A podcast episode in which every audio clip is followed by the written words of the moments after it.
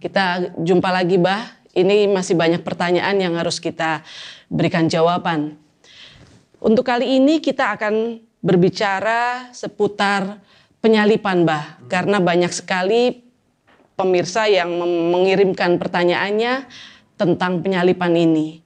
Yang pertama, pertanyaan datang dari saudara Harun. Harun Al-Rashid ini. Yang menanyakan tentang apakah keterangan Alkitab tentang penyalipan itu bisa dipertanggungjawabkan secara historis. Mohon Baba bisa menjelaskannya. Ya, pertama begini, secara historis, secara sejarah. Dari abad pertama, ketiga, keempat, kelima, tidak pernah ada satupun data sejarah yang menyangkal tentang penyalipan. Jadi kira-kira seperti ini. Jangan mengaburkan antara tafsiran teologis sebuah kitab suci dengan data historis. Bahwa ada eh, penyangkalan tentang penyalipan Yesus. Itu pernah terjadi pada kelompok yang namanya kelompok gnostik. Tapi ini tidak pernah menyangkal dalam makna bahwa Yesus tidak disalib, tidak. Sebab orang gnostik itu memahami bahwa Yesus itu tidak benar-benar jadi manusia. Dia itu hanya entitas yang bukan ilahi, bukan manusia, tetapi entitas intermediary being yang tidak benar-benar real. Makanya menyalibkan Yesus sama dengan menyalibkan bayangan. Jadi bagaimana mungkin bayangan disalib? Itulah yang mulai muncul di abad keempat misalnya dengan kisah Yohanes. Tapi ini bukan Yohanes Rasul yang nulisnya abad keempat. Tetapi justru menariknya semua data sejarah abad pertama, abad kedua justru tidak pernah menyangkal penyalipan. Dengan kata lain, tutuplah Alkitab itu. Gak usah dibaca Alkitab. Yesus disalib itu fakta sejarah. Saya berikan contoh. Misalnya ini karya Yosepus. Yosepus itu menulis buku panjang sekali. Dia menulis tahun 95 Masehi. Atau 90 sampai tahun 95. Dan ini tidak percaya Yesus ya? Ini orang Yahudi.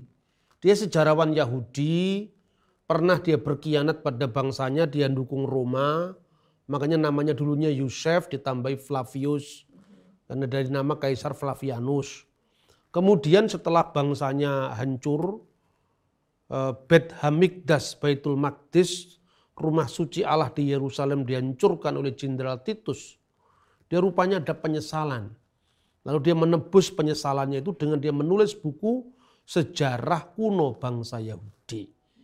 Nah inilah bukunya. Ini ini hanya uh, salah satu dari buku jilid 18 dan 19 ada kira-kira 20-an jilid. Itu tertulis di dalam bahasa Yunani dengan terjemahan bahasa Inggris, ya. Tapi juga ada yang terjemahan bahasa Arab, tapi itu teksnya Yunani dan Aramaik. Dia mengatakan Yesus disalib. Talmud Yahudi yang nyalib Yesus saja mengatakan Yesus itu disalib. Jadi tidak ada fakta sejarah mana pun juga yang mengatakan Yesus tidak disalib. Karena ini fakta. Bahkan tanpa membaca Alkitab pun kita bisa menentukan penyalipan itu terjadi pada masa siapa, siapa kaisarnya, siapakah wali negerinya, kapan Yesus disalib, kira-kira ancang-ancang tahunnya tahun berapa, bulan berapa, cara matinya itu pasti disalib tidak dengan cara yang lain. Sebut satu contoh misalnya. Seorang selain Yosepus, seorang ahli hukum Roma. Dia menulis sekitar juga tahun 90-an. Namanya Claudius Tacitus. Ahli hukum Roma sekaligus dia senator Roma. Dia menulis masa kapan Yesus disalib itu pada zaman apa Yesus disalib. Tulisan ini aslinya dalam bahasa Latin. Dia mengatakan auctor nominis eus Christo. Kristus yang dari namanya itu istilah Kristen berasal tibero imperitate per procuratorem Pontium Pilatum supplicio advectus erat. Kristus yang karena namanya itu muncul istilah Kristen telah disalibkan pada zaman Kaisar uh, Tiberius di bawah prokurator kita, wali negeri kita, yaitu Pontius Pilatus. Jelas. Begitu juga Yosepus. Yosepus itu menulis dalam teks Ibrani Yunaninya ya itu jelas sekali dia menulis tentang penyalipan Yesus itu. Dia mengatakan apa? Cara matinya bagaimana? Disalib. Karena Yosefus mengatakan itu. Dia mengatakan begini, stauro. Stauro epitetimicotos Pilato. Yang artinya apa? Pilatus telah mengeksekusinya dengan cara disalibkan. Jadi cara matinya disalib. Kemudian kapan dia disalib? Traktat Sanhedrin, Traktat Sanhedrin itu bagian dari kitab Talmud, ini contohnya kitab Talmud ya. Ada banyak traktat, traktat Sanhedrin, traktat Yoma, traktat Megillot Ta'anit. Pada traktat uh, Sanhedrin 43a, dia mengatakan jelas bahwa Yesus itu matinya digantung BRF Pesah pada persiapan Paskah. Nah Paskah yang dimaksud di sini bukan Paskah Kristen. Tapi Paskah Yahudi yaitu Paskah keluaran dari tanah Mesir yang dirayakan setiap tanggal malam tanggal 15 bulan Nisan kira-kira bulan purnama Paskah Yahudi. Kira-kira kalau tahun Masehi kita kira-kira bulan Maret. Ini jelas kapan dia mati, siapa yang menyalip di bawah eh, Pontius Pilatus wali negeri Yudea sebagai jajan Roma, kaisarnya namanya Tiberius. Ya. Tercatat semua itu. Ya? Tercatat ya? semua dan tidak hanya itu. Misalnya ada lagi catatan Mara ben Serapion. Dia ini adalah filosof Stoa yang hidup di uh, Syria pada saat itu. Dia membandingkan kematian Plato, Sokrates, kematian Sokrates yang dicatat Plato seperti kematian Yesus. Dia raja orang Yahudi itu telah disalibkan. Hukumannya apa? Bangsa Yahudi terpencar-pencar di seluruh dunia setelah dia kalah perang. Itu nulisnya dekat dengan peristiwa. Jadi artinya hampir semua data sejarah mencatat itu. Ada lagi catatan seorang uh, sejarawan Kira-kira agak akhir tuh tahun 170 namanya Lucianus dari Samosata. Dia mengatakan apa? Kaum Kristen itu seperti yang kamu tahu menyembah seorang sampai hari ini yang ter, yang uh, mengemukakan ritus baru dan disalib karena alasan itu. Itu semua lengkap dan memang di abad pertama seorang yang dianggap kriminal itu matinya disalib. Kalau dia warga negara Roman, maafnya dipotong kepalanya. Karena waktu itu kan ada hukum yang disebut hukum yang berlaku bagi orang Roma. Itu namanya kira-kira ius romanum. Paulus itu warga negara Roma, makanya sama-sama dianggap kriminal bagi orang Yahudi matinya dipenggal. Tapi Yesus, Petrus, Andreas itu warga negara jajan Roma. Berlaku hukum bagi bangsa-bangsa jajan Roma. Ius gentium matinya disalib gitu. Itu fakta sejarah. Tidak bisa dibatalkan hanya karena keyakinan teologis tentang oh, Yesus nggak disalib apalagi hanya tafsiran. Saya kira itu itu nggak bisa menutup penyalipan Yesus itu sama dengan Anda menutup matahari dengan sapu tangan. Nggak mungkin itu, itu fakta sejarah. Tutuplah Alkitab, nggak usah dibaca Alkitab. Yesus itu disalib. Jadi penyalipan Yesus itu tidak tergantung Alkitab ada apa enggak. Tapi kalau Anda tanya untuk apa Yesus disalib, jawabannya di Alkitab. Makna penyalipan itu dalam Alkitab. Tapi fakta sejarah sepanjang apa nggak pernah ada yang meragukan penyalipan Yesus gitu. Iya. Lalu pertanyaan yang kedua ini, Bah, masih dari uh, Harun Ar-Rasyid yang uh, menanyakan apakah Yesus itu pendosa apabila ia mati di kayu salib. Ini ada kaitannya dengan kitab Ulangan, Bah. Ulangan 21, 22, 23. Oh iya, maksudnya ulangan 21 ayat 23 23. Kemungkinan begitu karena ini sering, menulisnya sering disalahpahami. Iya. penguburan orang yang dihukum mati. Ini saya baca ayatnya. Apabila seorang berbuat dosa yang sepadan dengan hukuman mati, lalu ia dihukum mati kemudian kau gantung dia pada sebuah tiang, maka janganlah mayatnya dibiarkan semalam-malamnya pada tiang itu tetapi haruslah engkau menguburkan dia pada hari itu juga. Sebab seorang yang digantung terkutuk oleh Allah, jangan engkau menajiskan tanah yang diberikan Tuhan Allahmu kepadamu menjadi milik pusakamu.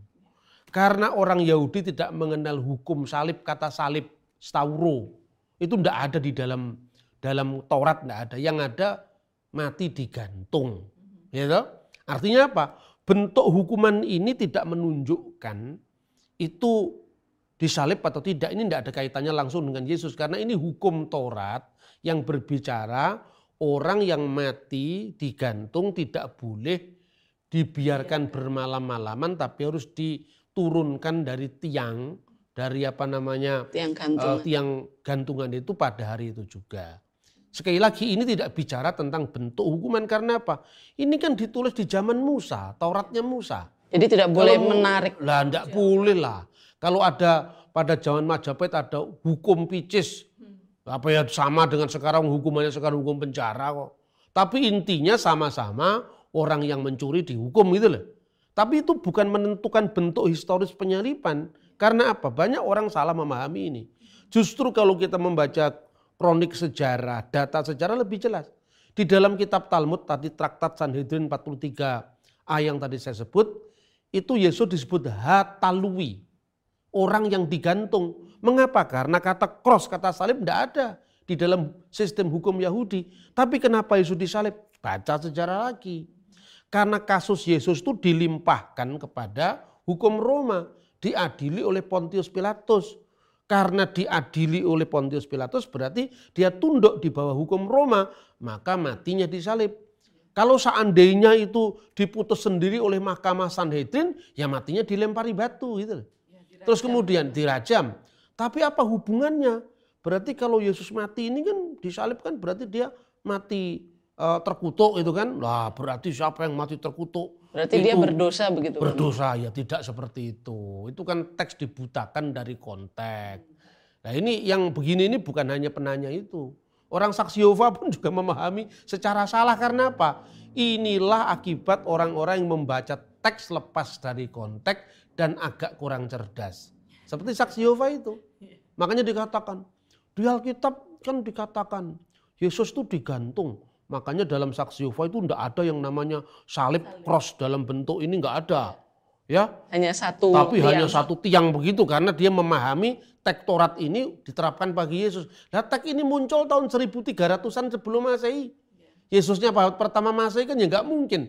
Masa hukuman eh, apa penjara zamannya Pak Harto misalnya Kusni Kasdut harus dipahami dari hukum pada zaman Sriwijaya kan ya nggak mungkin. Ya orang beragama itu ada dua kemungkinan. Kalau menjadi pinter ya pinter sekali, tapi kalau menjadi bodoh ya tambah bodoh gitu loh. Karena apa? Dengan keyakinan terhadap kitab suci, itu dia lepas dari sejarah. Nah, ujung-ujungnya dia mengatakan sejarah itu kan relatif. Siapa yang menulisnya? Iya. Tapi kalau kitab suci itu kan wahyu, tidak bisa salah. Nah, itu wahyunya siapa dulu? Kan bagi orang Kristen wahyunya Injil. Bagi orang Islam wahyunya Quran. Tapi ya banyak orang Hindu percaya Quran kan ya enggak. Iya. Percayanya kan beda. Nah itu artinya apa? Kita ini memaksakan orang lain dalam paradigma atau pola berpikir kita. Ini ya hanya berlaku bagi Islam. Orang Kristen pun juga gak boleh berpikir seperti itu. Gitu loh. Iya. Maka kita mesti objektif. Dan dengan demikian apakah Yesus terkutuk? Ketentuan tentang orang yang mati, apa pun matinya, secara umum dalam kitab Taurat dia harus diturunkan sebelum hari berganti. Makanya eh, dikisahkan dalam Alkitab seorang meminta pada Pilatus agar mayatnya Yesus diturunkan lalu diberikan kubur baru yaitu kubur Yusuf Arimatea. Karena apa? Hari Jumat pukul 6 pokoknya matahari terbenam kalau untuk waktu Indonesia itu sudah memasuki hari Sabat. Tidak boleh mayat tergantung. Itu fakta pertama. Fakta yang kedua, ini nggak bisa serta merta harus dilakukan. Oh berarti Yesus terkutuk. Sekarang pertanyaannya. Seorang yang mati dibunuh itu terkutuk di mata dunia. Tapi Sayyidina Ali juga mati dibunuh. Umar juga mati dibunuh. Sayyidina Utsman juga mati dibunuh. Apakah mati terbunuh bagi para pahlawan iman ini? Sayyidina Umar, Utsman, Ali, Hasan, Husin itu sama dengan matinya terbunuhnya orang terkutuk kan ya tidak toh. Itu loh caranya. Jadi artinya dari perspektif apa kita memang bagi orang muslim Sayyidina Utsman, Sayyidina Umar ini kan kalif, eh, kali, khalifah, khulafaur rasidin. Tentu sekalipun dia mati yang di mata musuhnya itu terkutuk, tapi di mata Allah kan dia pahlawan. Orang yang mati syahid itu sebenarnya tidak mati tapi dia hidup di sisi Tuhannya dengan sentosa. Kira-kira seperti itu loh. Karena matinya itu visabilillah. Lah matinya Yesus itu wafat di kayu salib itu visabilillah kalau menurut pandangan Islam. Jadi dua ayat yang satunya muncul dari tahun 1300 sebelum Masehi kok ya bisa diterapkan untuk peristiwa historis di abad pertama itu tidak masuk akal saya kira. Ya. Gitu. Dan ini ada lagi bah yang menarik yang menanyakan apakah benar Yesus itu mati di salib? Karena ada yang berpendapat bahwa yang disalib itu sebetulnya bukan Yesus, tetapi Yudas Iskariot. Sekali lagi, jangan kaburkan antara fakta historis dengan narasi teologis. Ini kan narasi teologis pertama. Sejak kapan orang menafsir Yudas Iskariot? Di Al-Quran sendiri juga malah tidak ada kok. Tidak ada namanya ya? Tidak ada namanya. Di Quran cuma dikatakan wama kotaluhu wama solabuhu walakin subihalahum. Padahal mereka tidak membunuhnya dan mereka tidak menyalibnya. Melainkan yang diserupakan bagi mereka. Ini dalam dunia tafsir sendiri juga masih problematik munculnya Yudas Iskariot itu kan muncul dari tafsir-tafsir belakangan.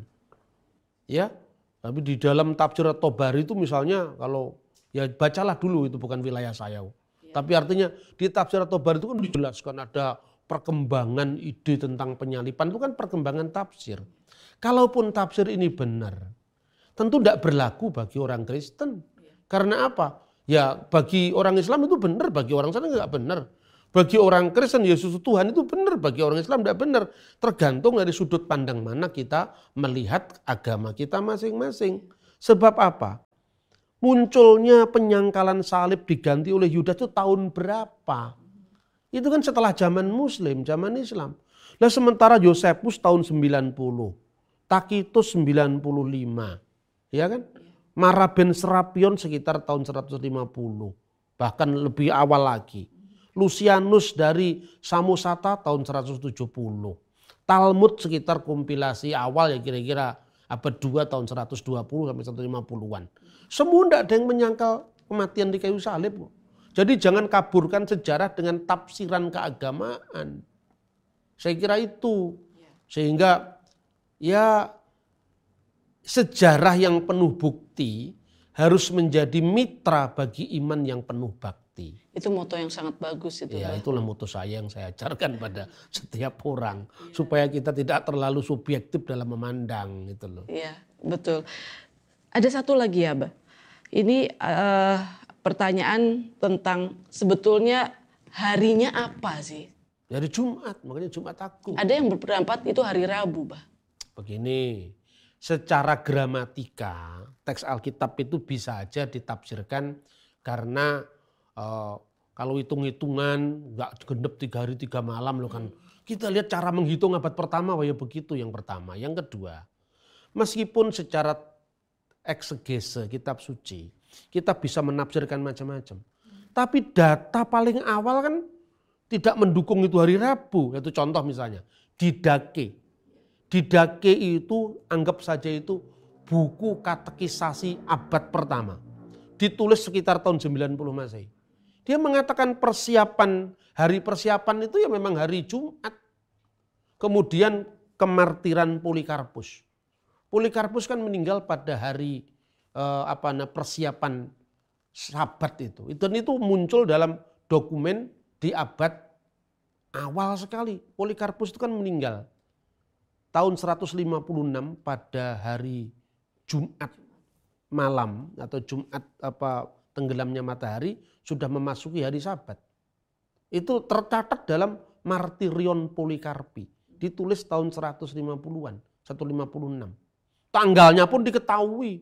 Di data-data Sinaksarion itu dia meninggal eh, tanggal 22 eh, Februari ya tahun 156.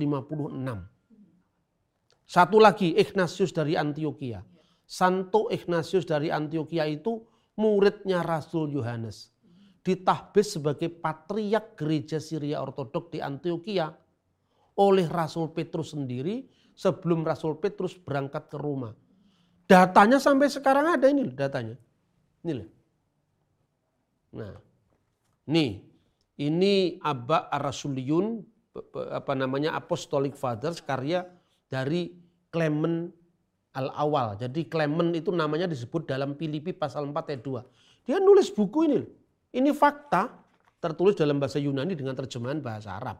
Kenapa? Karena ini memang saya beli di Kairo ini. Makanya gereja-gereja pakai bahasa Arab. Terus ini. Ini uh, surat-surat Kaudratus. Ini tertulis juga dalam dua bahasa, Yunani dan Arab. Nih, ini disebut Rosail Ignatius al-Antaki. Di sini ada.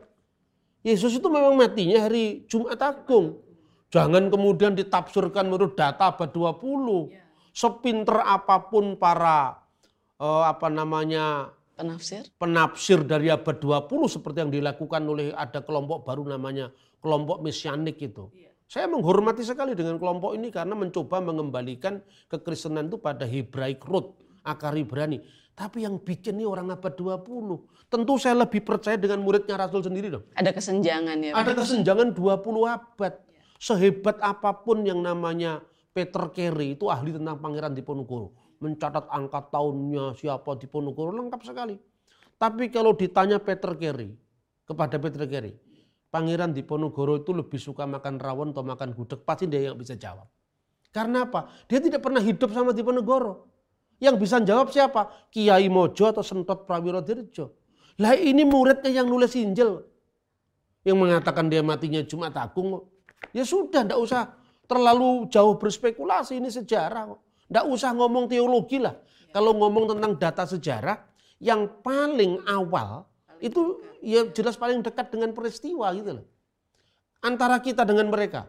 Kesenjangan sudah sekalipun kita doktor bahasa Ibrani, doktor bahasa Yunani. Kemudian tidak hidup pada zaman yang ditafsirkannya. Nah, sementara ini bahasanya sama dengan para rasul dan bapak-bapak konsili. Hidupnya sama, makanannya juga sama. Waktu itu belum ada KFC. Lah orang yang nafsir sekarang makanannya McD, KFC kan tentu nggak cocok dengan zaman dahulu pertama. Gampangannya gitu loh. Orang itu mikir teologis itu dalam-dalam begitu. Oh takatik ayat itu penting. Tetapi jangan butakan aspek sejarah. Gitu loh. Ya. Dan ini yang terakhir ini Mbak, ini agak masuk ke ranah teologi dan kelihatannya ini orang Kristen yang bertanya tentang uh, Yesus itu mati sebagai manusia atau sebagai Tuhan? Kenapa Tuhan kok bisa disalib? Siapa yang ngomong Tuhan disalib? Ini orang tuh tidak pernah ke gereja mungkin ini. ya Tuhan jelas gak bisa disalib lah. Tuhan itu gelar. Tuhan itu Lord. Masa Lord, kalau Lord Charles mati, yang mati kan Charlesnya. Lordnya tidak bisa mati. Itu ada di Alkitab dibuktikan. Ya, terlalu banyak ayatnya itu tidak pernah baca Alkitab dia itu. Dia yang dibunuh dalam keadaannya sebagai manusia. 1 Petrus pasal 3 15 ayat 18. Gampang sekali jawabannya. Makanya kalau ke gereja itu jangan ngomong berkat-berkat. Itu yang menyebabkan otak kita ini tumpul. Teologi tidak pernah dipelajari, yang dipelajari ke gereja cari pesugihan. Kalau cari pesugihan ke Gunung Kawi, jangan ke gereja. Carilah dulu kerajaan Allah. Dengan kebenarannya semua akan ditambahkan kepada kamu. Gitu loh kira-kira. Betul. Iya, Mbak. Terima kasih banyak uh, untuk tema tentang seputar penyalipan ini sudah cukup jelas. Terima kasih untuk penjelasannya, Mbak, dari sisi historisitas, dari sisi uh, data-data uh, kitab penunjang, kitab penunjang uh, Alkitab maksudnya dan juga dari uh, apa namanya ranah tafsir juga. Semoga para penanya yang sudah memberikan pertanyaan tentang seputar penyalipan ini bisa memahami semua jawaban-jawaban yang diberikan oleh Baba Nur.